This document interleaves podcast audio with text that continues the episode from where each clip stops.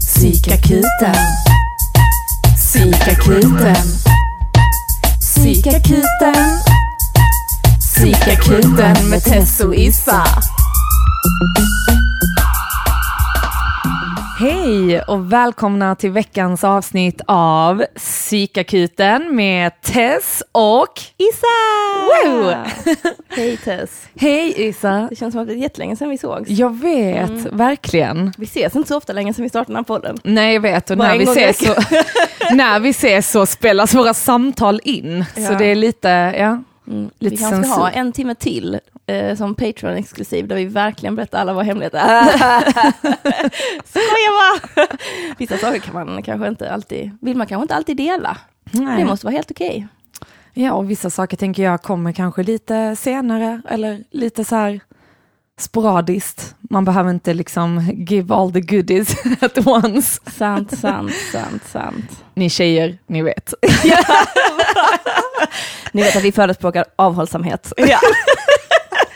No sex before marriage ladies! Fan. Vi bara, idag ska vi prata om abort, vi är emot. Jag bara, nej. Vi är drömtrio, antifeminism. Ja, Heja patriarkatet. Jag bara, nej, sluta.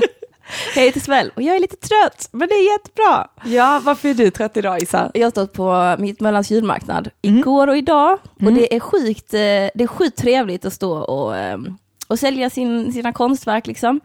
Eh, Men det är den här balansen mellan jobb och hobby typ. Och sen Mm. att man, ja alltså majoriteten av människorna liksom tittar på en saker, tittar lite på en saker och sen så vänder de och så går de. Och då är det typ så, ja. ja, you just killed me inside. liksom inte ens ett leende, utan det är bara träbitar. Det är typ så, Ja. okej, är det allt? Ja, ja.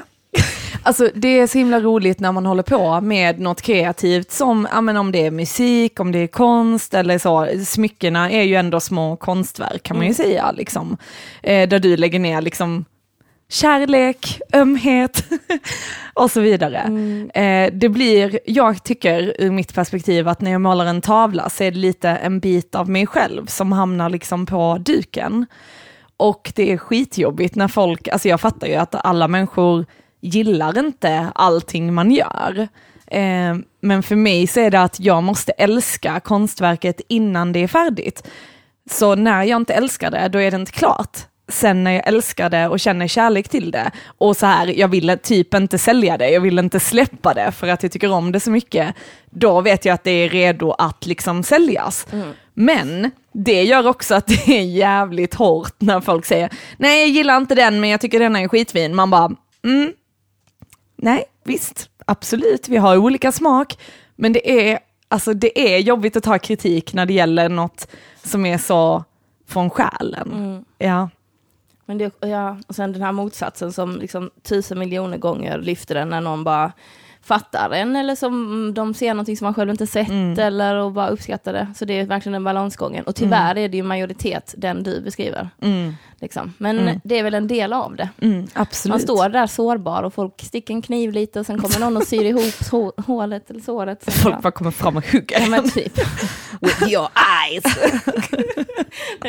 Det hade varit roligt om du stod där på mitt Möllans julmarknad och så fort någon liksom bara blängde på smyckena och gick därifrån, inte sa någon fin kommentar, så bara hade du skurit dig med kniv så du började blöda. Så du visade liksom Ja, utifrån på kroppen. Detta gör ni mot mig. Det är ditt fel.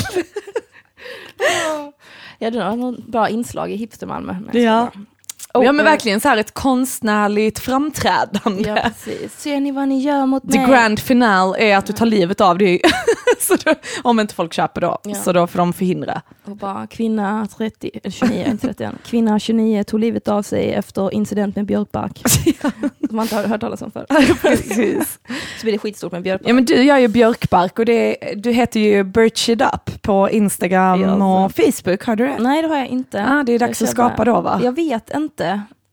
Alltså nu, just nu känner jag att jag håller på att spy lite på björken i mitt liv. Så Ja. jag behöver en paus. Alltså jag behöver en paus på alla sätt. Ska jag också ta det som en förolämpning? Ja, Jag heter behöver ju inte Björk i efternamn. Björk, jag behöver inte Björkbark, jag behöver inte artisten Björk, jag vill bara inte ha Björk i mitt liv. Nej men jag inte, ibland känner jag att jag kan bli fed up på vissa av mina sådana grejer, jag måste pausa. Men Mm. så är det lite i livet, jag tänker det speglar också min romantiska relationer. Eller jag vet inte, jag har skitsvårt att hålla mig vid saker. Mm. Och jag undrar vad det är, jag undrar så här, eh, jag har funderat mycket på detta på senaste Mm, tiden. det kallas ADHD, men ja. Ge mig lite Ritalin då så jag kan koncentrera mig. Jag bara, ja, nej men alltså det här med, jag bara känner att det, jag ser det så, som en så stor svaghet hos mig själv att jag liksom inte bara kan välja en fucking grej. Alltså. Varför måste du välja en grej? För Varför? att jag måste kunna leva ett ekonomiskt hållbart liv. Ja, fast det kan man väl göra med många olika grejer också. Jo, absolut. Men du kanske inte behöver satsa på att detta ska jag försörja mig på och så ska du försörja dig på dansen, du ska försörja dig på barken, du ska försörja dig på musiken. Du kanske kan så här, jag skaffar ett deltidsjobb som är det här och vid sidan om har jag tio andra projekt och de drar jag in lite grann på. Ja men det, jag, det är ju sen jag slutade på restaurangen, sen jag gick i konkurs, då blivit- den här deltidsinkomsten slutat komma. Och nu måste jag skaffa en ny sån. Och den var så himla bra den förra. Ja. Det är liksom sån här, du vet, jag id- idealiserade såklart, liksom så här bara It was a wonderful time. Ja, alltså jag kommer mer ihåg att du berättade att du var psykolog till din chef och Jo sådana men det grejer. är också, absolut, men det är som med dåliga relationer, man kommer bara ha det bra till slut. Ja. Men det är roligt när man har de här eh, love glasses på, Ja, ja. när man ska så här, lämna en relation, lämna ett jobb. Ja, Man bara kommer ihåg, eh, ser allt det fina i det liksom. japp. Ja, det är roligt. Helt med dig. Nej Ja. men så att, jo men jag måste väl bara förstå, men det är processen är att lära känna mig själv som jag typ inte har gjort. Så tänker jag att det är så här, men så här är nog jag. Jag var och åt lunch med en familjemedlem Mm. och eh, hen sa att det är så trevligt att träffa mig för att man blir alltid så förvånad och har ingen aning om vad jag håller på med. Och att det är uppfriskande och man får energi av det. Och då tänker jag, det är kanske därför jag finns, för att vara en uppfriskande energi i allt min, mitt stök. Typ. Fast det är ju inte stök. Det är ju organiserad kaos. Alltså jag vet inte, för jag tycker att du är så mycket mer organiserad än vad jag är och jag känner att jag är organiserad så jag vet inte vilket kaos du pratar om riktigt. Vadå, hur, hur menar du då? Hur Nej men alltså jag tänker rent ekonomiskt, du, du eh, liksom kan så här ekonomi, du sparar, Mm. du eh, liksom ritar upp budgetplaner till mig, hur jag ska liksom Ja, men det är handskas bara för med att min... jag inte behöver göra min budget. Ja men, men du är ändå Nej, så här liksom, du har koll på läget, du liksom har alltid haft bra betyg i skola och så vidare. Alltså jag har alltid känt mig som fuck-upen jämfört med dig. Och jag känner mig Mm. aldrig som en fuck-up egentligen, jag tycker jag är så här duktig. Så att, eh. Nej, men ja, jag, men, och då, jag ser inte alls dig så, vad intressant. Ja, och då, då tänker jag det är så intressant att du tycker att du är en fuck-up, för jag Mm. tänker så, va? Men av oss två är jag fuck-upen, du är inte fuck-upen. Jag tänker tvärtom, jag kommer till dig för jag bara, jag behöver stabilitet. ja okej, ja men rent emotionellt är jag väl ändå stabil. Ja men kanske är därför vi funkar ihop, så Ja. här, vi bjuder det på varandra. Ja. Så här, jag ger dig eh, organisering, Struktur. struktur. och du ger mig emotionellt stöd. Ja. Wow, shit! Bo, explosioner, brandvarning. Ja. Wio, wio. Åh gud. Jag är också trött idag för jag, em, hela den här veckan, alltså jag hade min sex dagars arbetsvecka i förra veckan, eh, vilket innebär att jag jobbar sex av sju dagar. Eh, och sen så denna veckan jobbade jag bara tre dagar, vilket är så här wow. Men två av de dagarna går liksom till att man bara ligger på soffan och känner sig helt utmattad. För att då kommer ju när man slappnar av så kommer hela den här stresspåföljden liksom. Eh, och sen så var det julbord med jobb i onsdags. Och eh, alltså jag var så himla trött efter jobb och bara nu måste jag iväg, jag har nytt jobb, det är dags att liksom ändå vara med på festligheterna och fira och så, även om jag inte alls orkade egentligen. Och sen så fixade jag mig och kände mig liksom ah, väldigt fin och gick dit där med jobb. Och sen så bara under tiden jag sitter där på julbordet så får jag nackspärr. Vadå nackspärr? Alltså jag kände hur det bara började alltså, krampa i mina axlar och jag fick så ont att hålla uppe mitt huvud. Jag kände bara så här, mitt huvud väger för mycket. Alltså jag måste typ lägga mig ner på golvet just nu. Alltså det var riktigt sån smärta. Eh, och jag fattar inte var det kom ifrån. Jag tänker att jag brukar gå i så här sport-bh nu hela tiden. Och jag hade faktiskt en push-up-bh på mig för en gångs skull. Det var länge sedan jag hörde det ordet. Ja, jag vet. Ja. Och jag tänker så, ja brösten blir skitsnygga i den, men eh, alltså jag ångrar mig djupt nu. För att jag tror att banden satt liksom för hårt och kanske spände. Och så var jag trött liksom, och så sitter man i fyra timmar på ett julbord liksom. Så jag vet inte, dålig hållning kanske kombinerat med bhn. Mm. Jag vet inte, har någon annan hört talas om en tjej som får nackspärr av AB. Det var fett att kolla nu när, det, nu när folk, eller så, jag upplever att individer går mer och mer mot soft bras, liksom. Ja. ja sport-bh eller mjuka bh. Om typ nackspärrsfrekvensen bland kvinnor har sjunkit sen dess. ja. Men alltså jag använder aldrig bh. Alltså jag testade bh för några veckor sedan och jag bara, it's a present. They're trying to keep us in a box people. Men det är ju den här, nej jag vet inte. Så att jag tänker lätt, och om det är push-up, det tär ju på axlarna. Ja, Ja, så jag tänker, ja men alltså grejen är, jag har ju ändå varit en bh-tjej för jag har stora bröst. Mm. Alltså jag menar, jag är Skryt. inte... Ja, nej men alltså på riktigt, jag kan inte gå i en t-shirt utan bh, att det ska se så här sexigt, lite perky mm. eller, mm. alltså nu vet jag inte att jag tänker så att kanske om man som kvinna då inte har bh så är det ju inte för att vara sexig. men jag tycker att det ser sexigt ut när tjejer är utan bh mm. och har så här bara en, ja men en t-shirt på sig liksom. Mm. Eh, men nej, alltså mina bröst ser inte fina ut om de är lösa. Let them loose girl. Ja, nej utan alltså för då är det, alltså skulle jag gå till bussen snabbt så är det liksom att de hoppar omkring, alltså och det gör ont. Mm. Så då, jag måste ha något som liksom håller dem in till kroppen, mm. sitt fast. Mm.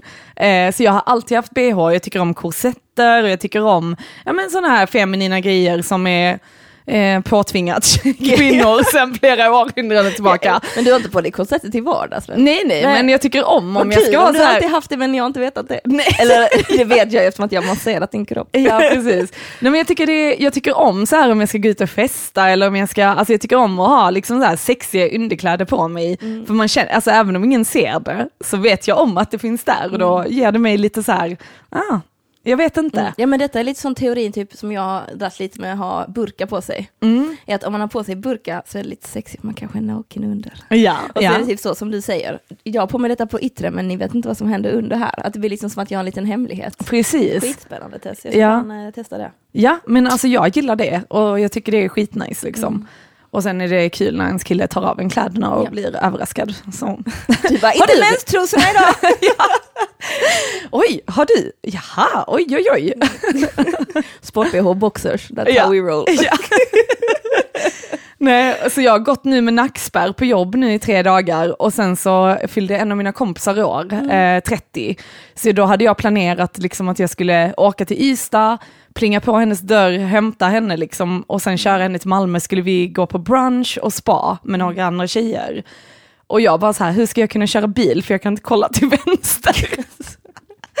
Åh oh, gud, men det, jag tvingade min kille att massera mig med tigerbalsam och mm. sen har jag legat med vetekudde och så, så jag kunde faktiskt köra igår. Mm. Men eh, då var jag uppe liksom, ja men sen sju på morgonen och sen så gick vi ut sen på kvällen. Mm. Så jag var helt död idag och men imorgon börjar jag jobba igen. Ja. Så man bara yay! Shit, alltså. ja. Hur länge var ni ute igår? Ja, till tio. Ja, ja, okay. ja men sju till tio fan skitlänge ja, igång. Ja, ja, det är ju det. Och se på när man går upp såklart. Ja.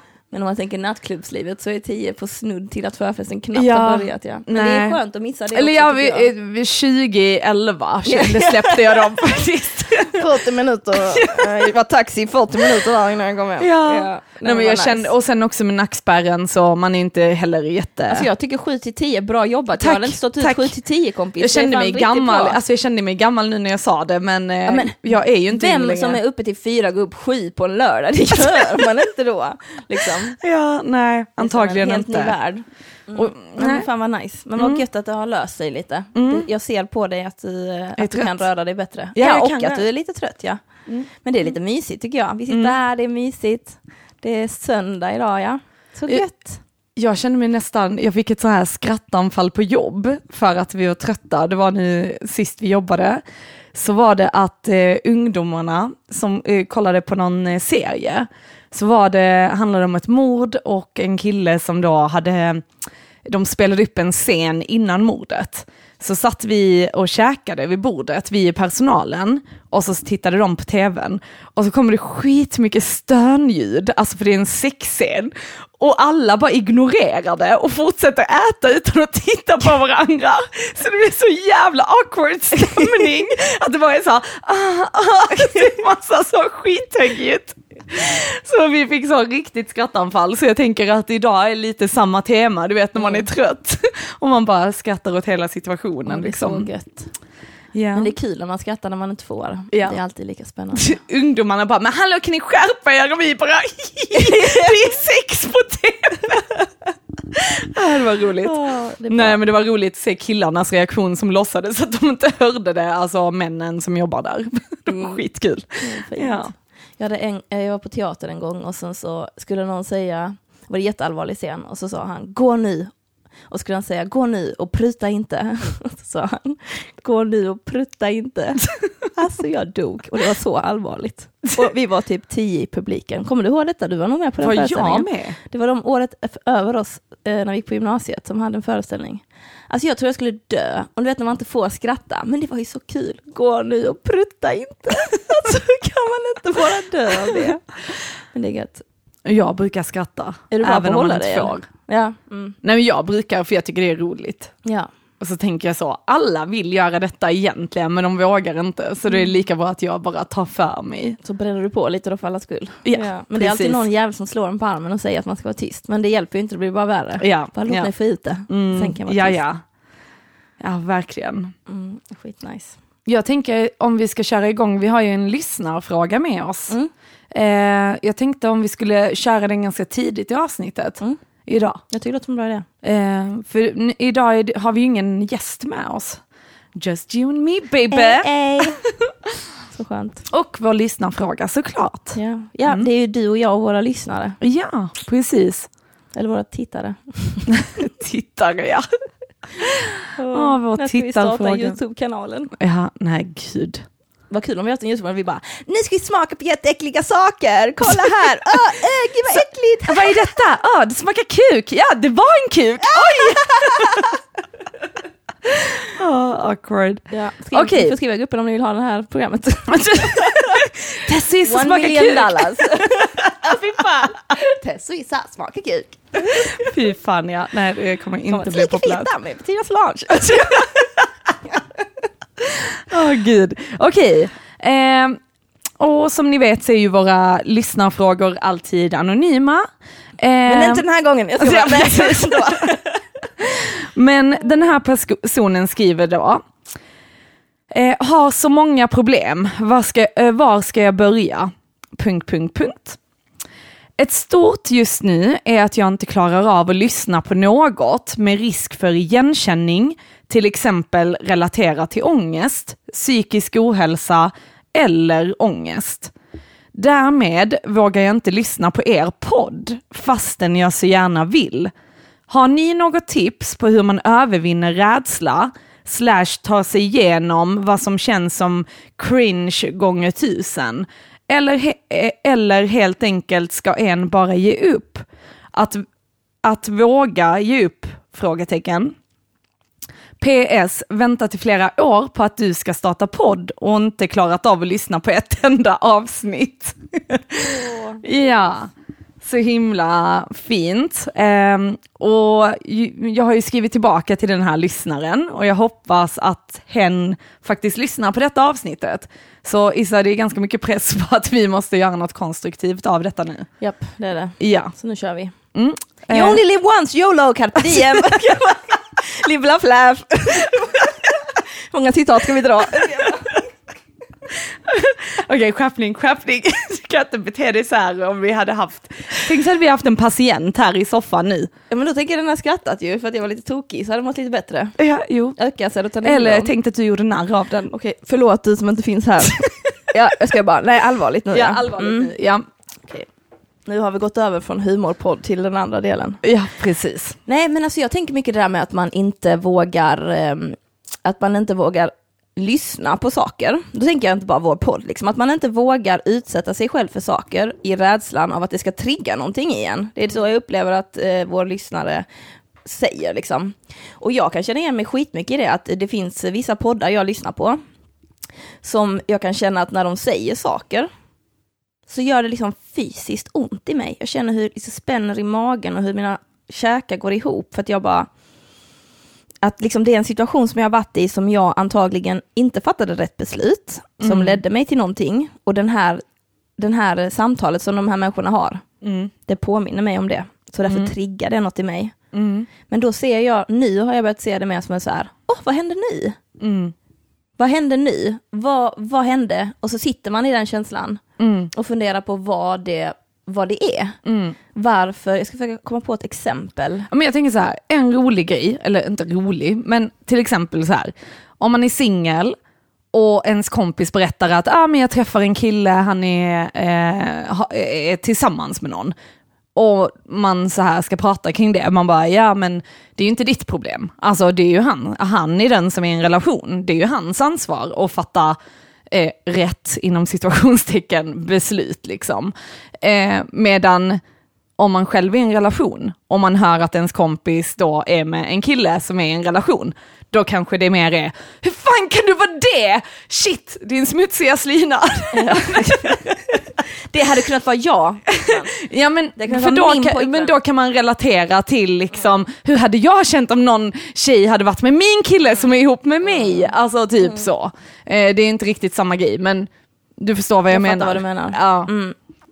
Men jag tänker just med rädslor, jag har lite den grejen när det gäller eh, alltså cancer. Eh, jag har alltid typ tyckt att det har varit obehagligt när folk pratar om det. Jag går ju mycket på stand-up och så också. Och i stand-up-världen eh, så gillar de att alltså, skämta om sånt som vissa säger, det är inte kul att skämta om. Eh, och jag tycker ändå, ja men allt är tillåtet. Eh, alla håller inte med om det, men i och med jag är tillsammans med en komiker och umgås mycket med komiker så känner jag ändå, ja men jo, det är skämt.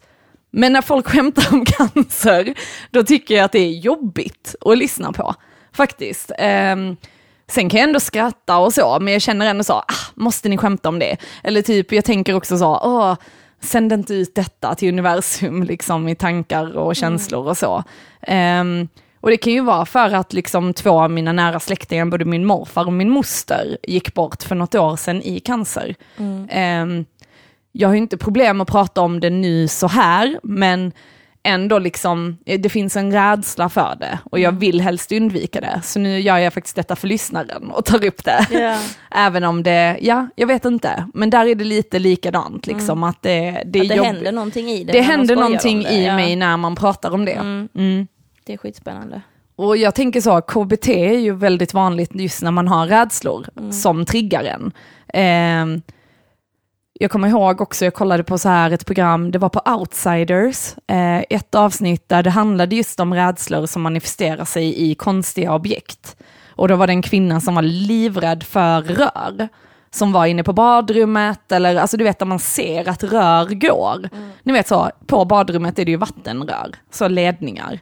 Och hon var så alltså, rädd för dem så att hon eh, alltså, fick panikångest. Så varje gång hon var tvungen att gå in på toaletten, om det var på kvällen eller natten, då var hon tvungen att väcka sin pojkvän. Så han fick följa med henne på toa och sitta med henne. För hon satt och liksom skakade och grät och var hysterisk. Och hon vet ju rent logiskt att de här rören är ju inte farliga. Och då visar det sig att hon har något trauma från barndomen som är kopplat till något annat, men hon har manifesterat den rädslan just på rören. Så istället för att ha bearbetat traumat när hon var liten, så har rädslan manifesterats i rör. Och rädslor är ju till för att skydda oss. Det är ju alltså faktiskt, vi har ju, är det... Det är överlevnad så att jag inte Ja. dör. För Fight and väl- flight, För liksom. henne är det väl att rören kan döda henne, alltså om man tänker lite skarpt. Ja, fast hon vet ju om att det inte är så. Men hon har ändå en rädsla att få den här känslomässiga reaktionen. Och det är just det, för jag tror att många människor, jag tänker särskilt nu på våra lyssnare, eh, alltså vet väl om att liksom en ångestattack är inte farligt. Man överlever det. Men någonstans så får det, eh, framkallar det ändå en reaktion, en känslomässig reaktion som är ologisk. Men du tänker, och härstammar då från en tidigare upplevelse, typ i princip alltid. Ja. För du föds, eller jag, jag tror inte att man föds med upplevelser. Eh, utan att man får dem senare ja i för livet. om vi inte pratar tidigare liv och sånt. Ja. Cellminne. ja. Nej, vi går inte in på den diskussionen. Ja, eh, nej men alltså det kommer ju från någonstans. Mm. Oavsett vad det är. Jag tänker, som du beskrev, att du får, en, du får en trigger av det här med cancer. Jag får på något sätt triggern av när folk standupar om gravida kvinnor. Jaha. Chippen Svensson skojade om, någon av de första standup-showerna jag gick på, så skojade han jättemycket om sin gravida fru. Ja. Alltså typ jättemycket. Alltså Ja. att jag bara, nu är det fan slut. För jag, nu när jag tänker tillbaka så vet jag att det är för att jag bara, jag tycker det ska bli skittråkigt att vara gravid. Tråkigt. Jag, I nio månader så måste jag typ leva så himla bra. Mm. Jag får inte liksom, jag kommer antagligen inte palla heller vara ute så mycket och hitta på saker. Jag får typ inte äta saker som jag tycker om. Mm. Ehm, jag kommer vara trött, jag kan komma må illa. Mm. Alltså jättemånga sådana grejer som jag bara känner så, det här kan liksom bli en jättetrevlig sak eller en skitjobbig sak i nio månader. Mm. Och här står den här jävla mannen med sin fucking penis och skojar om min framtida misär. Mm. Liksom att jag kan känna typ, hur vågar du Mm. Göra, göra narr av människor som ger dig liv? Mm. Mm. Så, men då är jag så här, typ lite som du beskrev, ett skämt, mm. två skämt, okej tre. Och sen bara fyra, nej nej, nu börjar det. Fem! Sex, sju, åtta, nu är det slut! Jag kommer ihåg att jag satte mig med armarna i kors och han såg hur jag gjorde det. För jag bara, nu är det slut på det här. Jag kommer fan slå dig. Alltså, jag, Jag respekterar inte detta. nej och det är skitintressant. Alltså hur man säger ha ha ha och sen ha ha ha. Lite som judeskämt kan jag också känna, ha ha ha. Och sen är det så, nu är det slut! Ja. Du har dragit två, två nog. Nu är det slut. Ja. Ja, ha, ha, ha, alla blir gasade. Ha, ha, ha, ha, superkul. Mm. Men det är också in- skitintressant. Men då tänker jag, okej, vad är det här med grejer med graviditet? Varför känner jag att jag måste vara fett aktiv och Mm. Varför, varför har jag någon behov av det liksom? Och då gå tillbaka till det. Typ som, jag vet inte vad du tänker med cancern. Mm. Om du tänker att du, Jag är rädd för att få det tror jag. ja, Det är det det handlar om. Och då tycker jag inte så, alltså då tycker jag det är jobbigt att höra för då börjar jag tänka på det. mm, Alltså, och det blir obehagligt liksom. mm, det kan jag förstå. Mm. Alltså, jag är rädd för att få barn. Ja, ja. Nej men och jag vet inte, alltså jag tänker också så med vad som triggar en liksom att ofta, ofta finns ju också rädslor för det okända, det vi inte vet. Alltså, och då tänker jag också genom att utsätta sig för det man är rädd för så blir det också att vi får kunskap om det och då kanske vi inte blir rädda längre. Mm. Till exempel folk som är rädda för svarta liksom. jag skämtar. ja men jag tänker, ja, ändå rasism. Vad det än är du är rädd för. Ja men Alltså, alltså det grundar ju sig ofta i jag är ju rädd för okunskap. blondiner. Det är min stora, stora Vadå jag är ju blond? Ja fast du är blond, fast jag, jag har ju träffat dig när du inte varit det också, Ja. tänker jag. Så här, du har fått vara med i mitt liv, du hade nog inte Vadå du har jättemånga kompisar som är blonda? Ja fast, jag, fast de känner jag. Jag är väldigt skeptisk till dem jag inte känner, vilket är jättekul för då borde min fördom vara borta. Ja. Men jag har skitsvårt för blonda vita kvinnor, jag vet inte vad det är, jag jobbar, jobbar, jag jobbar på det. ja. Det är inte en rädsla, jag är inte rädd för dem, jag vet att jag kunde ta henne. Men liksom, det är någonting med det. Men jag har tänkt på det med, med min, eh, min ultimata rädsla, som är typ min enda mardröm som jag har. Mm. Det är att alla människor jag älskar slutar älska mig. Mm. Och det tänker jag mycket på. Alltså det är min, jag bryr mig inte egentligen vad som händer i mitt liv. Mm. Men jag är så jä... Alltså det är min, jag kommer ihåg, mina drömmar är liksom att, att v- varje person som jag liksom håller kär, det är som att jag sitter i ett rum och sen går varenda person fram till mig och säger så här, jag älskar inte dig längre Isabel. Jag vill inte ha det i mitt liv. Mm. Och hur nästa och nästa och nästa gör det liksom. Ja och i och med, alltså du beter ju dig jävligt illa, så det är ju ändå ganska sannolikt att det kommer hända om du fortsätter så som du gör. Ja men gud, Ja. ja. Men, var, men det är intressant rädsla, Mm. för rädslor härstammar ofta från någonting som är rätt så liksom ehm, Fast detta tycker jag är väldigt intressant, för om vi ändå ska gå in på liksom så här djup nu. Du är ju ändå så här, jag behöver bara mig själv och ingen annan. Det viktiga är att jag älskar mig själv. Och då är det så himla intressant att du har en rädsla jag för att andra... behöver dig. Och jag Åh. behöver min familj. Keep going. Ja. jag behöver er liksom. Ja, det är klart du ja. behöver. Ja, men Ja. jag har aldrig ifrågasatt det. Nej, men Det- fattar du vad jag menar? Det här när jag säger till dig, jag behöver ingen, då är det mer så här, jag vill inte ha hjälp. Jaha. Jag vill att ni ska älska mig, men jag behöver ingen hjälp. Nu kommer det fram, Ja. nu kommer det fram. Ja, nej, men- ja, ja. säg. Ja, men jag är skiträdd för att dö. Och det intressanta med detta Men du är... kommer få till liv kompis. Ja, men det intressanta med detta är att jag tror ju att vi inte dör. Jag tror ju att vi föds om. Jag tror ju att det finns liv liksom efter döden, fast inte så som kristna, utan jag tror mer eh, ja, men, att vi Alltså tillbaka på planeten jorden. Ja, precis. Och då är det så himla sjukt att jag är rädd för det. Alltså jag kan ju ligga och tänka på det och få panik och börja gråta och vara jätte, helt så här. För att jag tänker så, oh my god, jag kommer inte finnas längre och så får jag panik över det. Och det är ju mitt ego, tänker jag. Det är bara mitt ego. För att jag tänker ju egentligen att, ja men jag kommer ju visst att finnas, fast i en annan form. Mm. Så att, Jag tänker fan vad skönt. ja, Fan vad skönt, alltså ibland tänker jag bara fan skönt skulle bli dö. Att det är så jävla skönt, tänk man får sova. ja. Liksom Så tänker än min pojkvän också och jag Alltså, blev väldigt orolig då. fan. Alltså så skönt, jag är så, alltså jag ser, jag ser liksom inte fram emot döden. Då får man sova. Men då, alltså då kommer man få bara vara i fred. Du, inte om du börjar om ju. Nej, men jag tror inte på reincarnation. Så du tror att det bara skulle bli svart? Nej, nej, nej. Jag, jag har anammat asatro. Det kommer bara vara en sån jävla fest hela tiden. fest, fest, god mat, fest, fest, god mat. Och inga bekymmer, man blir lycklig var dag. Inga ja, ja. pengar, Mm. det finns inget sånt. Liksom. Men alltså man lever som varje dag är en fest, för att man kommer inte ihåg dagen innan, för annars har det inte varit kul. Mm. Det är den jag settlat i, som jag mår bra av.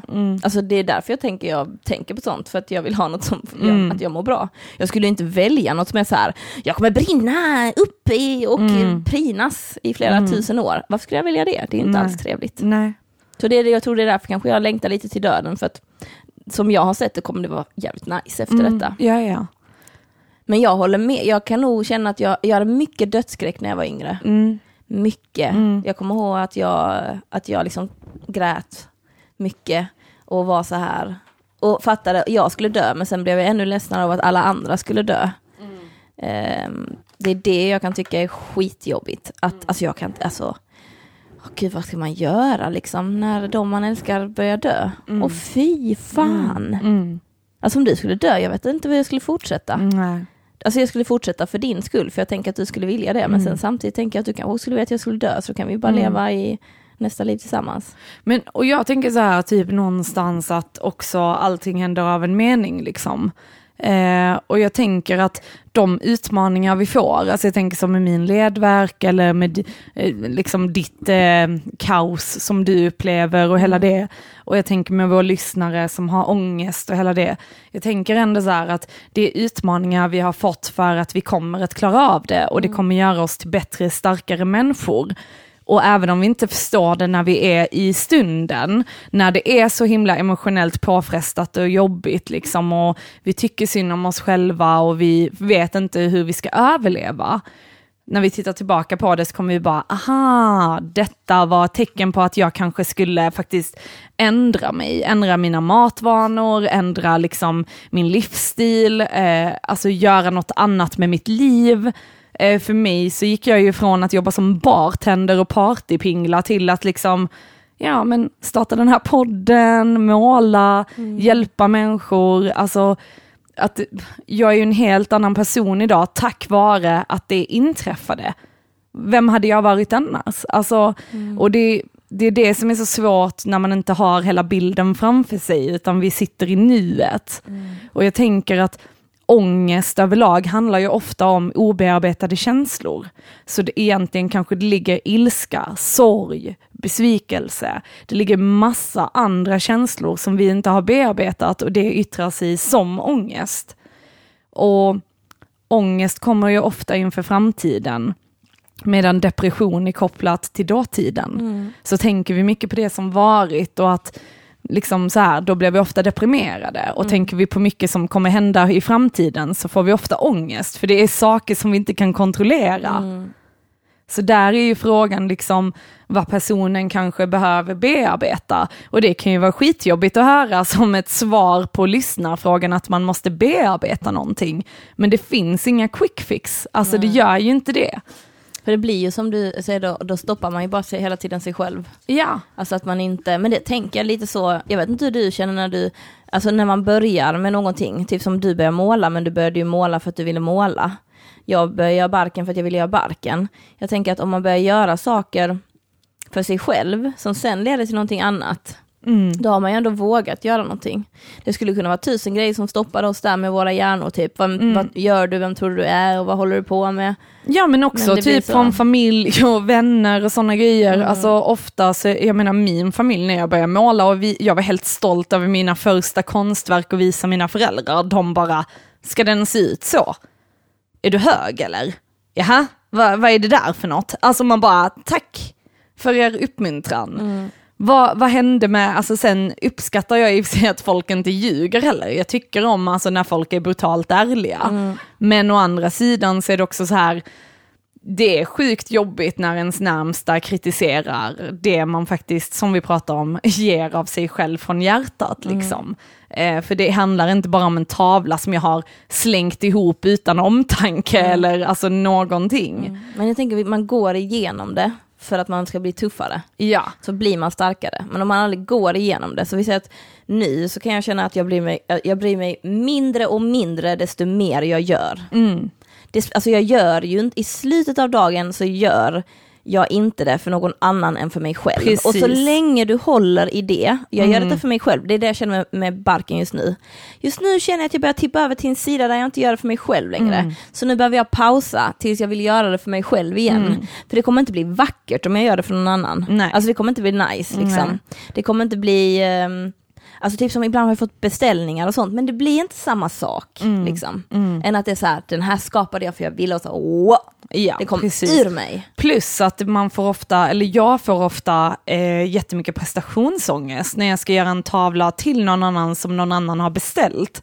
För att då känner jag, tänk så blir de inte nöjda. Medan om jag bara skapar när jag är i ett härligt flow liksom. Då blir det något helt fantastiskt och sen är det andra som uppskattar det och vill köpa det. Det är så himla härligt för det är utan press och krav eller någonting. När jag målar, alltså sist jag målade en beställning, då höll jag ju på i tre månader med den. Och det var så här, den är så jävla fil, jag hatar den, den blir inte bra. Åh nej, tänk så kommer de inte gilla den, åh nu har jag misslyckats, jag är värdelös. Alltså att det bara Ja. blev sån jävla känslomässig berg och dalbana. I slutändan var kunderna skitnöjda och jag blev också nöjd. Men processen var inte det här, ah, lilly lilly, nice.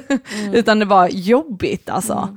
Eh, Tänk på det man gör det, om man håller sig vid det. Jag gör det för mig själv. ja, Vem gör jag detta för? Jag gör det för mig själv. Och sen kan det låta skitegoistiskt, kan jag förstå. Jag gör det för mig själv. Ja fast Men vadå? sen, annars så blir det inte, annars kommer det inte bli bra. Annars Nej. är det ingen genuin, alltså annars är det inte genuint. Mm. Det, du, ditt autentiska jag följer inte med. Mm. Och jag tänker också så här, alltså jag tänker nu på samhället, alltså för det, jag menar ångestproblematik är ju väldigt vanligt att vi har i samhället. Jag har inte upplevt så mycket ångest, alltså mer än när mina relationer har tagit slut. Alltså en rädsla för att en relation ska ta slut när man bråkar med sin partner, eller att det har tagit slut. Alltså just den här, alltså jag menar första relationen man hade och det skulle ta slut, det var ju fruktansvärt. Alltså då kan jag liksom få en panikångestattack. Men jag har, har, liksom, har inte fått det i andra sammanhang. Men jag har många nära vänner till mig som liksom har varit sjukskrivna för utbrändhet och alla har haft liksom panikångest så illa så att man får bara lägga sig på marken när man går på stan för att det kommer en panikångestattack. Liksom. Ehm, och jag tänker också liksom vad man kan göra i förebyggande syfte. Alltså för att idag ser samhället ut kanske på ett sätt som inte gynnar människor egentligen. Vi lever i städer, det, vi distraherar oss hela tiden. Vi har ofta ingen chans för självreflektion eller att bara liksom leva i nuet och umgås med varandra. Eh, vi tittar i våra mobiler hela tiden. Jag tänker just på det här som vi har pratat om tidigare, att leva i nuet, vad stoppar vi i oss för mat? Alltså för jag tror också att maten bidrar till att vi kan få en kemisk obalans i våra kroppar. Alltså att det är så himla, allting hänger liksom ihop med varandra. Så att jag tänker också att i förebyggande syfte att liksom ta hand om sig själva och inte, alltså jag brukar tänka så, när jag är onyttig och äter liksom mycket skräpmat och så. Ofta handlar det om att jag inte orkar laga mat, jag orkar inte göra det, och jag har lågt blodsocker och är trött, då äter jag lite godis för att det känns bättre liksom för stunden. Men egentligen är det ju liksom gift jag stoppar i min kropp. Mm för att ge mig själv en njutning för liksom, alltså. Mm, och då, det är då man börjar fundera på vad är det som gör att jag måste, måste ta den här njutningen, alltså Precis. den här drogen. Ja. Varför är jag inte nöjd med min tillvaro, varför måste jag liksom ja. spetsa till den på det sättet? Ja, och, och just sockerberoende är ju sjukt vanligt, alltså, mm. för då mm. handlar det ju om att socker, alltså jag menar pasta, bröd, allt sånt blir ju socker i våra kroppar. Mm. Eh, och vi får i oss himla mycket av det. Mm. Eh, och det är jag... helt okej, okay, men om man använder det på rätt sätt tänker jag mycket. Ja. Alltså varför äter man skitmycket pasta innan man ska träna? För att man behöver kolhydrater då, för du ska göra med mycket energi. Ja. Det kan ju vara skitnice då, men mm. efter du har tränat kanske det inte är jättemycket pasta du ska äta. Nej. Så det är som du säger, men det är, man, man tar hand om, man bör, jag tycker man, eller det viktiga, jag började med min kropp. Mm. Och då mådde jag bättre i min knopp. ja, precis. Och jag tänker även det här med, eh, ja men, alltså nu när det är så himla mörkt ute, vad är det, alltså nu bara kommer jag höfta ut ett procenttal som jag inte alls vet om det stämmer rent liksom kliniskt. Men jag har hört att typ så här 90 eller 80 procent av eh, den västerländska befolkningen här uppe, alltså Nordens befolkning, har D-vitaminbrist under vinterhalvåret. Mm. Just för att vi inte får, eh, alltså solen är inte tillräckligt nära, så även om det är sol, då får vi inte D-vitamin. Alltså så även om vi sitter nu ute och solar när det kommer lite sol, mm. då hjälper inte det. Men på sommarhalvåret så får vi ju skitmycket eh, sol, alltså D-vitamin för att då är solen tillräckligt nära nära. Mm. Eh, och där kan ju D-vitamin vara skitbra sätt att liksom pigga upp sig själv. Rosenrot är också jättebra för att liksom ta sig ur depressioner, få tillbaka lite livslust och sådana grejer. Mm. Jag tror ju mycket på liksom att tillsätta mer vitaminer och alltså hälsokost än att börja medicinera med eh, psykofarmaka. Mm. Alltså även om man kan såklart vissa människor behöver det. Liksom. Var tionde svensk går på antidepp. Ja, det är helt det galet. Det är helt sinnessjukt. Ja men i London innehåller vattnet, alltså dricksvattnet, så mycket antidepp att, alltså, att man får det i sig, för man kan inte rensa det från reningsverken och så. Det som skulle hända ifall all antidepp slutar produceras. Ja. Alltså drogmarknaden hade exploderat, alltså den illegala drogmarknaden hade exploderat. Ja, ja, ja. ja. Vilket är skitintressant tycker jag med hela den här grejen. Liksom. Att det finns liksom ingen anpassning. Du vet, ja, ja, vissa människor kanske medicinerar sig själva, ja. Men de gör det själva, de går inte till doktorn, de gör det själva och de har ett fullt fungerande liv. Men mm. det är helt oacceptabelt. Mm. I skillnad till att, nej men jag fick de här pillerna från min doktor. Mm. Alltså om jag skapar en balans som funkar för mig, mm. vad fan har du med det att göra? Men jag tyckte det var sjukt intressant som Aman fick ju nu när han bröt sin hand. Eh, han slog handen in i en möbel här hemma och bröt den för att han fick ett aggressionsutbrott. och då fick han ju operera den och han fick eh, morfintabletter. Eh, och eh, hade jag tagit en sån tablett, alltså vi har ju det hemma för att han har inte tagit upp dem, mm. men hade jag tagit den tabletten så hade det ju varit olagligt, för då har jag liksom tagit droger som inte är utskrivna till mig, mm. men han har dem utskrivet till sig, så att han tar dem är okej. Men fattar du vad jag ja, menar? Ja, ja. Alltså det är så himla intressant hela den här, um, ja men hur det funkar rent legalt med då eh, knark mm. helt enkelt. Mm. Alltså för jag ser läkemedel lika mycket som knark som jag ser knark på gatan. Mm. Alltså det är samma grej. Mm. Um, och sen i vilket syfte? Använder du droger för att fly din verklighet för du inte vill ta tag i saker? Ja, då spelar det nog ingen roll om du går till läkaren eller till gatan. Mm. Du använder det på fel sätt. Mm. Alltså faktiskt. Mm. Och jag tänker, alltså vi fick ju lära oss i skolan, jag läste ju socialpsykiatri, och vi fick ju lära oss att när eh, de här antidepressiva kom på marknaden så var det ju helt revolutionärt. och folk var helt så, oh my god, det botar alla. och sen så började man göra forskning på hur mycket det botade och hur mycket är placebo och mm. hela den biten. Och det visar ju sig att placeboeffekten är ju jättehög, alltså på folk som får piller, mm. eh, där det var sockerpiller istället för antidepressiva liksom. Och sen visade det sig att nu är det ju inte alls många procent som det hjälper på, kanske är 40 procent eller något sånt. Och då hjälper det om man kombinerar det med terapi. Mm. Och det är väldigt intressant, för jag, min erfarenhet, nu är jag ju inte läkare, men jag menar jag har ju många kompisar som har fått utskrivet antidepressiva och det är ingen som har blivit erbjuden terapi. Mm. Utan, och särskilt då har det varit diagnosen utmattningssyndrom. Så det har inte varit, ja vissa har väl haft depression i samband med det också, men det är inte att de får terapi. Och när forskning visar, alltså ny forskning visar att det inte hjälper om du inte får terapi, då går de i princip på placeboeffekt bara. Och det är ju helt sinnes mm. och sen så slutar kroppen producera det egna serotoninet för att du tillsätter det utifrån och helt plötsligt så måste man bara höja dosen, höja dosen. Sen finns det vissa människor som verkligen behöver det och överlever tack vare det, för att man inte producerar serotonin på egen hand. Mm. Men helt ärligt tror vi att var tionde svensk inte gör det. Alltså att det är mm. fel i hjärnan så att man inte producerar det. Jag vet inte. Nej. Utan jag tror att det är livsstil, men det är för jobbigt att ändra livsstil, så därför är det lättare att ge piller. Mm. Jag pratade med en läkarstudent och han sa det, liksom att vi har inte resurserna, vi har inte tiden att lägga det som behövs på patienter. Mm. Och då blir det ju, hur kan vi hjälpa dig nu för att du ska må bättre så fort som möjligt? Jo, men vi kan hjälpa dig med denna medicinen. Men det tycker jag är intressant, för medicinen, den kostar inte så mycket som vi betalar för den. Mm. Eller hur? Mm. Och jag menar terapi kanske kostar 1 5 i timmen. Mm. Alltså då borde det kunna jämna ut sig resurserna. Jag tänker att det bara handlar om att om, omfördela. Ja. Att typ man borde alltid ha sån terapi, man kan komma till det här terapihuset. Behöver du prata om något? Mm. Kom då till terapihuset. Mm. Och så finns det liksom massa terapeuter som sitter där inne. Mm. Och så, alltså egentligen är det så, så finns det massa människor som är villiga att ge, ge sig tiden att lyssna på dig. Mm. För jag lyssnade också på en grej om terapeuter som var skitintressant, som var mm. typ att man, det man lär sig när man är terapeut, det är mest att liksom ställa frågor och guida, men aldrig säga sanningen inom citationstecken. Liksom. Typ som din och min relation, den, den är ju inte terapeutisk för att ibland så säger vi saker till varandra som man inte vill höra, Jaja. men som man vet att man behöver höra. Och då menar den här terapeuten då att man måste ändra om det. Mm. Och att tillåta terapeuterna att fucking säga det. Alltså typ att så här att, jag ser att du har gått igenom det här mönstret fem gånger nu. Mm. Alltså jag snackade med en polare i telefon och hon har tjatat om samma problem ett tag nu. Mm. Och då sa jag det, jag har hört detta nu. Mm. Och ja, jag är, det är inte så jävla trevligt, men mm. jag kände så.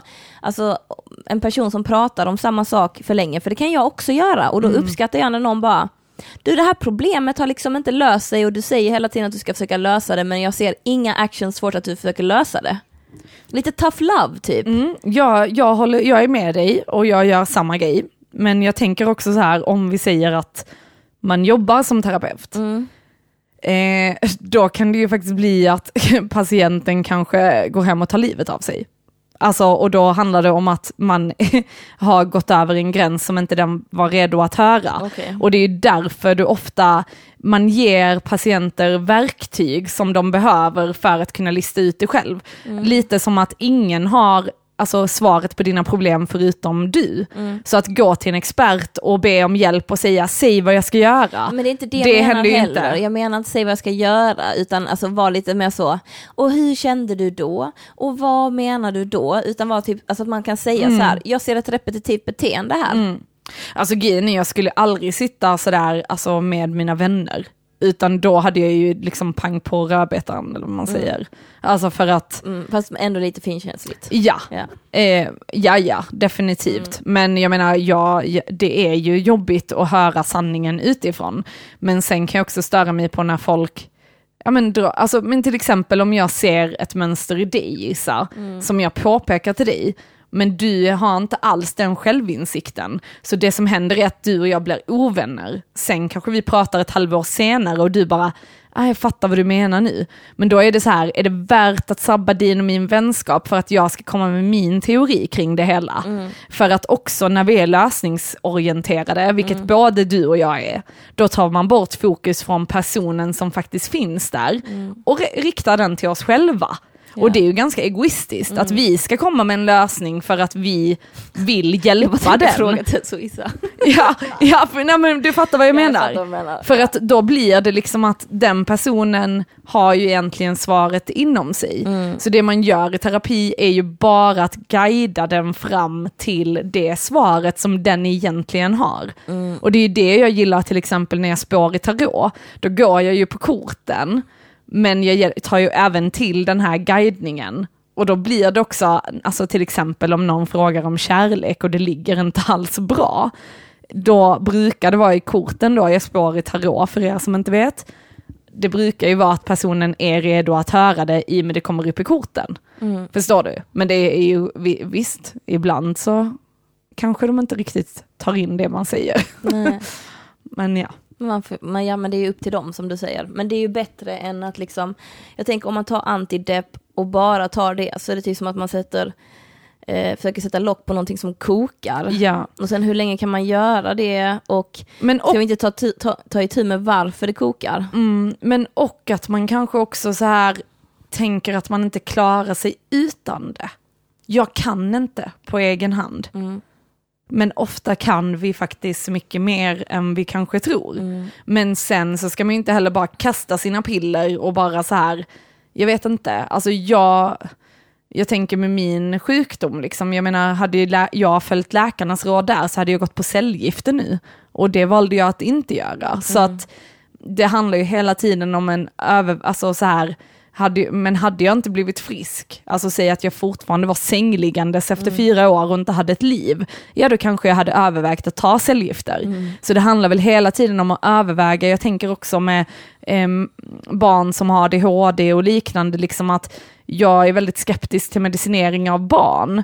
Eh, jag tror att man kan aktivera dem, ge dem kosttillskott och liksom hjälpa dem på andra sätt istället för att snabbaste lösningen är ADHD-medicin. Mm. Men det kanske är jobbigare för föräldrarna, att de orkar inte aktivera sina barn så mycket som de behöver stimuleras och då är det lättare att ge medicin. Och jag menar, blir det problem i skolan, de blir utstötta av vänner för att de har ett avvikande beteende, mm. ja då kanske det är värt att medicinera för att barnen i slutändan blir lidande över hur de faktiskt är som personer. Mm. Men det, det, är en skitsvår fråga. Mm. Eh, men ja, ja, min personliga åsikt är ju att jag är lite anti. Mm. Men sen så måste man ju överväga det och bara för att det liksom... Jag tänker så här, eh, man, tänk, man, det behöver inte vara den primära lösningen. Nej, precis. Men som du säger, om man då testar de andra lösningarna som inte är medicinering och det inte funkar, då kanske man kan värdera det, men då mm. kanske man ska ha några steg innan man börjar medicinera. Ja, precis. det kan vara en grej. För jag tänkte också på det vad vår lyssnarfråga, de snackade om att om man ska ge upp, liksom, mm. eller ska man bara ge upp? Och vad innebär bara ge upp undrar jag lite i den frågan. Alltså jag, nu när jag stod i helgen så tänkte jag, ska jag bara ge upp på barken? Ska jag bara aldrig skapa detta igen? Ska jag bara ge upp? Men vad tänker du att hen menade med det? Eller Nej, ska jag bara här, ge upp? Jag, ehm, jag tycker det är för jobbigt att möta mig själv. Mm. Jag vet inte hur jag ska hantera mig själv, jag vet inte hur jag ska gå vidare i mitt liv. Jag vet ingenting. Ska jag bara ge upp? Och jag mm. kan fatta den, för jag hade den känslan för, fan är det? Ett år sedan, lite mer än ett år sedan, då tänkte jag att jag ville ge upp, för jag orkade mm. inte längre. För jag visste, jag kände att det fanns ingen lösning, jag kunde inte se någon lösning. Mm. Då kände jag att jag ville ge upp. Och vad innebar det för dig att, att ge man upp? skulle dö. Okej. Okay. Ja. ja. Att man kunde dö och att mm. då hade det varit skönt. Mm. För då behöver jag inte hålla på med det här längre. Mm. Så jävla skönt att bara få dö. Mm. Men då kände jag liksom att um, ett, det är inte så jävla schysst att ta sitt eget liv mm. mot de som är kvar. Mm. Eh, två, jag har ett Fy val fan nu. vad jag hade hatat dig om du hade gjort det. Shit ja, alltså. Folk har inte varit glada igen. Men man är död så det spelar ingen roll. alltså, gud. You can't catch me. Um, nej, men då tänker jag allvarligt här nu. Att, um, att jag fastnade i någon slags tanke kring att antingen kan jag dö eller ska jag börja leva. Och då på något sätt på min egen premiss och inför mina egna rädslor, att göra det som jag alltid varit rädd för, att utsätta mig själv. Och sen om det var hemskt så gråter jag, vart jag fucking än är, så gråter jag då, eller så skriker jag, eller så, så får det vara för att skriva ner vad jag känner, eller liksom, mm. att det finns, det finns ju, det, alltså jag väljer att leva. Och att ge upp för mig det är helt okej små saker. Så här, nej men ja, okej det funkar inte. Man kan också förstå så här, okej vi säger Bearparken, nej okej jag tjänar ingenting på det. Jag mm. skiter mm. i det, det går inte, det går inte plus. Mm. Liksom, nu går jag plus, så det, jag borde bara do my thing om jag vill. Mm. Men liksom så här, nej men jag skiter i det, jag ger upp. Är det negativt? Nej men då kanske jag ger plats till någonting annat. Mm. Men jag undrade, jag undrar lite vad, vad lyssnaren menar med att ska jag bara ge upp? För jag tycker det låter som en väldigt så allmän fråga kring, ska jag bara ge upp på att försöka leva? Mm. För att det tycker jag låter... ibland att leva.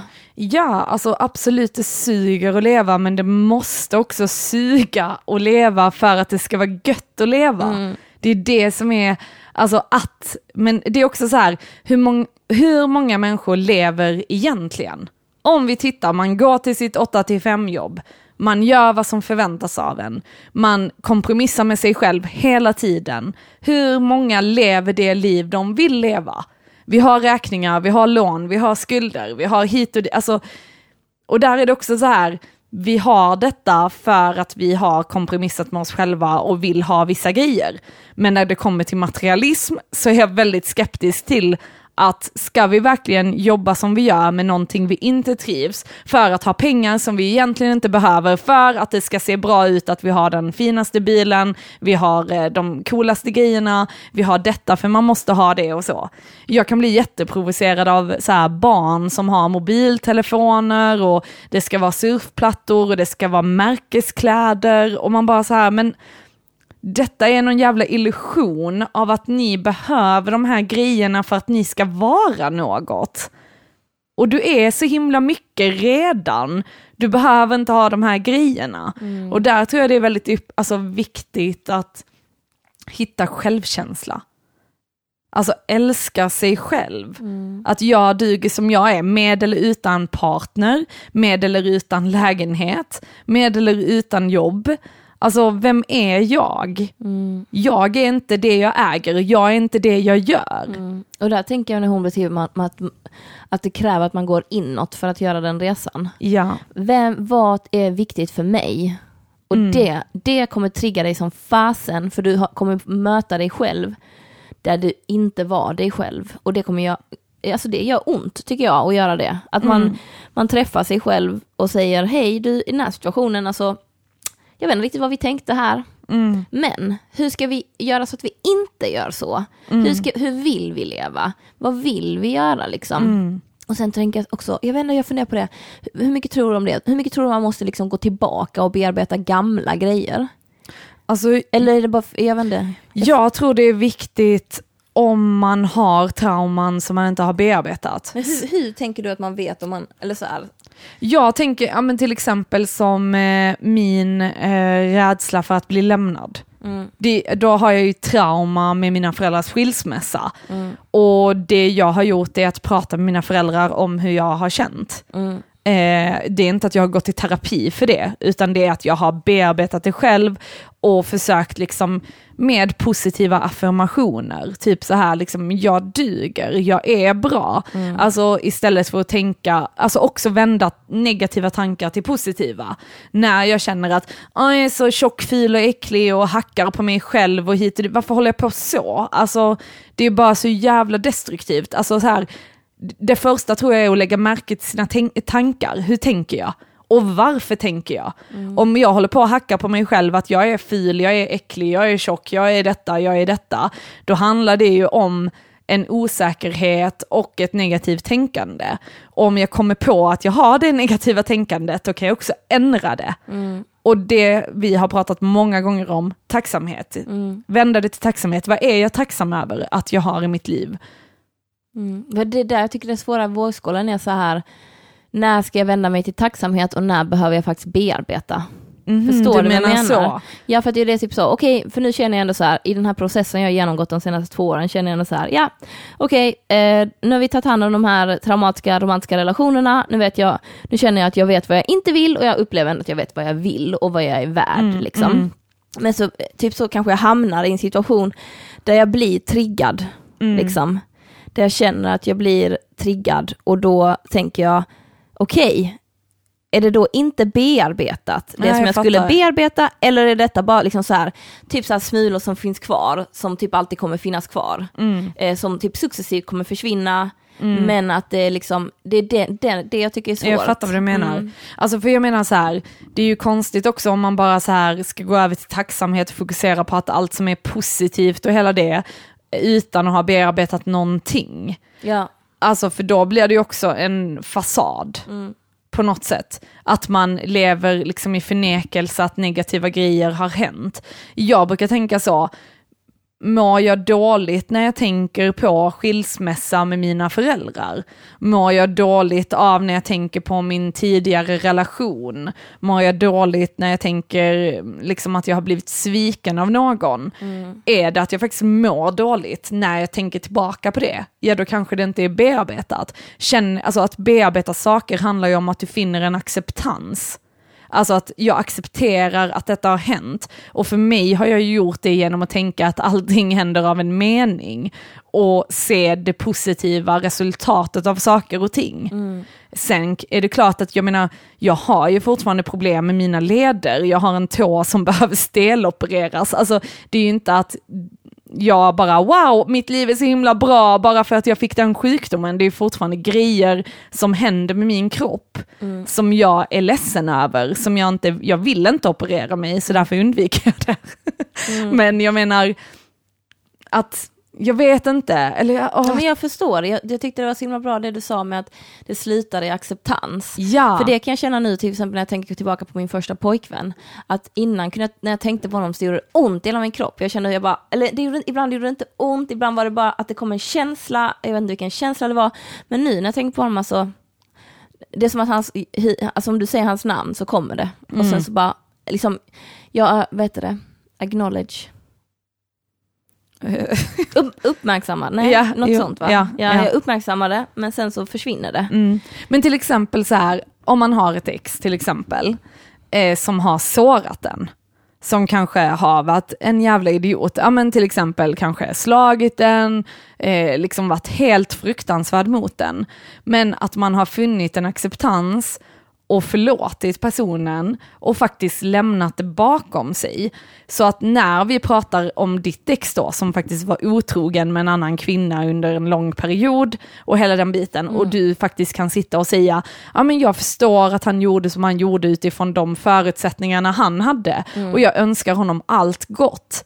Då är det ju ganska bearbetat. Ja. Mm. Om man jämför med någon som säger han var så jävlig mot mig, det är inte okej, och han sårade mig, och han gjorde detta, och du, du, du, du, du. Alltså då är det ju inte bearbetat, det märker man ju, Mm. för det finns ju fortfarande en känslomässig, eh, alltså att man eh, gör sig själv till ett offer fortfarande, att man inte har accepterat det som hände, och man har absolut inte förlåtit det som hände. Mm. Eh, och där där tror jag just alltså den känslomässiga ehm, kontakten eller kopplingen till något avslöjar ganska mycket hur bearbetat saker och ting är. Ehm, för det är ju skitmånga som kan säga, nej nej, men det har jag gått vidare ifrån. Men när de pratar om det så märker man att, wow, nej det har du nog inte gjort. Men vem är jag att säga till någon annan att den inte har bearbetat? Ja. Utan därför man kanske känner efter själv liksom. Mm, Och jag menar bara så här, att förlåta någon, du förlåter för dig själv. Du förlåter inte Nej, dem, igen. du säger inte det var okej att du slog mig, det var okej att du gjorde det här mot mig, det var okej att du var otrogen. Nej, det var inte okej. Men jag har accepterat det, det var inte meningen att vår relation skulle hålla. Jag har lärt mig svinmycket av denna jobbiga händelsen och det har gjort mig till den jag är idag. Och jag älskar den jag är idag och jag är så jävla tacksam att jag fick den erfarenheten även om jag led fruktansvärt i situationen jag var i då. Och sen också så här förlåta sig själv för att man, för att man tillät sig själv bli behandlad på ett visst sätt. Precis. För det kommer jag ihåg då när jag liksom hade de här döden-tankarna. Så kommer jag ihåg att jag låg i min säng och så sa jag till mig själv, Isabella, så jag, Så jag älskar dig så himla mycket och jag lovar att jag kommer ta bättre hand om dig nu. Mm. Jag lovar att jag kommer lyssna mer och jag kommer vara mer uppmärksam och jag kommer, jag kommer se till liksom att, vi, att vi får liksom, alltså vi, liksom vårt värde behålls så att det är ingen som kommer här och säger att vi inte ska bli behandlade som en bra människa, precis som vi behandlar andra människor. Mm. Och, Mm. och sen Isabelle, du måste bli bättre på att ta emot också. Ja. Ta emot kärlek, liksom, att man känner, för det tror jag kan, alltså man kan ha två olika sidor där, vissa som försöker ta mer kärlek och vissa som jobbar med att ta emot kärlek och att man är så olika. Mm. Men jag tycker det är skitspännande det du säger Tess, med acceptans. Jag tänker när jag, om när jag kommit till en punkt där jag kan skicka ljus och kärlek till någon och mena det, Mm. då, för jag kommer ihåg det, eh, jag hade ju en tuff tid med min eh, familj Mm. Eh, och där kan jag känna nu att jag kommit till en punkt där jag kan jag har ställt larm på 17.47 varje dag Mm. och varje, när den ringer så ska jag skicka, vill jag skicka ljus och kärlek till någon, bara för att påminna mig själv och det gör mig Mm. väldigt glad när jag gör det. Varför 1747? För att det är typ, eh, jag såg, det är någon som jag känner från eh, en festival jag var på, som la upp det på Instagram, typ så här. Eh, 17.47, ställ larm, skicka kärlek, och ljus och kärlek till någon. så Okej, har jag bara okej. ställt det. Mm. Ja. Så då blev det bara att jag tog den tiden. Ja. Ehm, och på något sätt är det en väldigt bra tid för mig Mm. när jag tänker, när, jag liksom, när det plingar. Mm. Eh, så det har gjort mig väldigt glad. Och då har jag lyckats skicka ljus och kärlek till de här individerna som jag pratade om. Och jag, det, första gången jag gjorde det var för typ, ja men förra veckan tror jag. Det, jag, det jag har gjort det i tre veckor utan att känna det. Mm. Och att jag tagit emot när jag Mm. gör det. Mm. Men nu gör jag det och jag, känner hur hela Mm. jag bara, wishing you all the best. Alltså Mm. ljus och kärlek till er, jag önskar er det- det bästa. Det Mm. är så himla häftigt. Alltså det, det här fake it till you make it, det är så himla viktigt. När du känner att du inte menar det, du klarar inte det och så vidare. Gör det i handling. Fortsätt göra det och gör om det och gör om det. Och till slut så kommer du att ändra dig så att du menar det. Och det är så himla häftigt att du har känt den förändringen. Mm. Det är skitcoolt. Mm, och det är skönt som fasen, man blir av med så mycket saker i det. Mm. Liksom. Eh, man, eller jag känner mig liksom inte... Eh, alltså man kunde känna sig arg innan. Vill säga, eh, ilska var känslan man gick till för att den är lättast liksom, Ja. på något sätt. Att den behöver inte vara där utan som du säger, allt händer av en mening. Eh, situationer som uppkom i mitt liv har gjort jättemycket för mig. Som Mm. du säger, den människan jag är idag, shit alltså. Mm. Så mycket mer jag vet nu. Ja, och tänk så mycket vi kommer att lära oss Ja. och så många mer händelser vi kommer Åh, vara med fan. om. Och alltså det är hela tiden, alltså vi är ju här för att utvecklas, Mm. tror jag. Meningen med livet är utveckling. Mm. Oavsett i vilken riktning den här utvecklingen går, så går det framåt hela tiden. Ingenting är liksom för evigt. Och det är det som är så himla coolt. Så att har vi problem och mår dåligt, ja, de kommer gå över. Mår vi bra och är på tipptopp, ja det kommer också gå över. Men det är ju det som är det coola, att allting är föränderligt liksom. Och att inte jämföra sig med andra. Vi är där vi, alltså exakt där vi ska vara. Mm. Och att man liksom förstår det och känner det, att okej, men jag är på rätt plats nu. Vid rätt tillfälle. Mm. Även om det suger eller även om det är skitnice, så är det vi där. Mm. Och vi kommer lämna detta och gå vidare liksom. Mm. Så jag tycker absolut, alltså jag personligen tycker inte att man ska ge upp, aldrig. Man ska alltid, alltså hoppet är liksom det sista som lämnar människan liksom. Mm. Och det är klart att, jag menar, vågar vi inte hoppas och drömma, nej, då har vi ju redan gett upp liksom. Och jag menar, lever vi ett liv vi inte vill leva och fortsätter med det, ja då kanske vi faktiskt inte lever heller. Mm. Vi är som ett skal som bara vandrar omkring här. Mm. Jag tror på det skitmycket, liksom sätta gränser för sig själv, behandla andra människor som man vill bli behandlad, våga möta sig själv. Och det viktigaste, var ärlig mot sig själv. För gud vad många människor som antagligen liksom inte ens vet, som inte reflekterar över vad de vill, vad de känner. Alltså, var ärliga. Mm. Är det något jag behöver förändra? Ja, antagligen. Ja. Om vi inte mår bra så är det antagligen någonting vi inte, alltså vi behöver förändra. Så är det ju.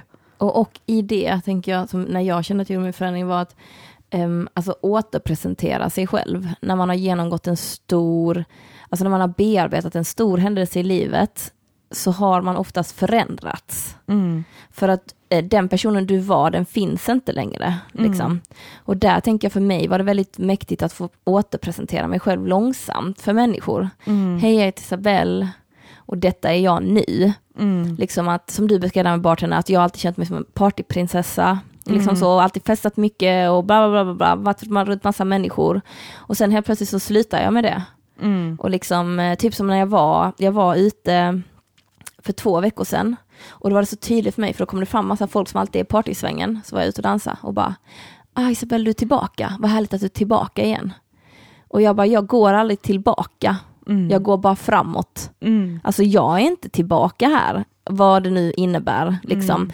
Jag är inte tillbaka i att ha lönlöst festande för att mm, jag på något sätt tror att jag ska uppnå något, något med det. Om du gör det, gör det, skitnice för dig. Men jag är inte tillbaka. Mm. Och det tyckte jag var sjukt spännande, för det var typ tre personer som sa det till mig. Mm. Eh, och att man bara, hej jag heter Isabelle och detta är jag, detta är mina nya gränser. Eller detta var mina gränser som jag inte ens eh, liksom visste hur jag skulle uttrycka, det är så jag upplever det. Mm. Liksom att man, och det är så jävla fett. Mm. Eh, fy fan vad fett det är att utvecklas. Mm. Herregud. Mm. Alltså det blir ju lättare. Mm.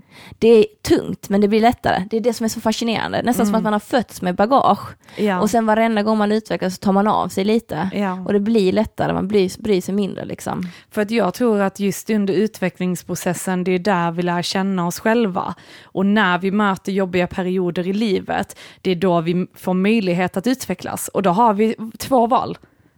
Ska jag ta den här chansen eller ska jag stå och stampa på samma ställe där jag är? Mm. Det är jätteläskigt att ta ett steg framåt. Men är jag nöjd med det jag har nu? Mm. Alltså, det är ju det liksom, det är skitcoolt verkligen. Eh, och jag tror att vågar man så får man belöningar. Alltså för att det är liksom en del av livet liksom. Och så fett att få känna jag är nöjd med min tillvaro Mm. i kombination med att jag utvecklar mig själv ständigt. Mm. För då känner jag så här, ehm, ja men jag är nöjd. Mm. Alltså jag, jag, jag vill gå hem, för jag tycker om mitt hem. Mm. Jag vill gå till jobbet, klart att det kan vara jobbigt att gå till jobbet ibland, men det är jobbigt att göra vissa saker ibland. Liksom.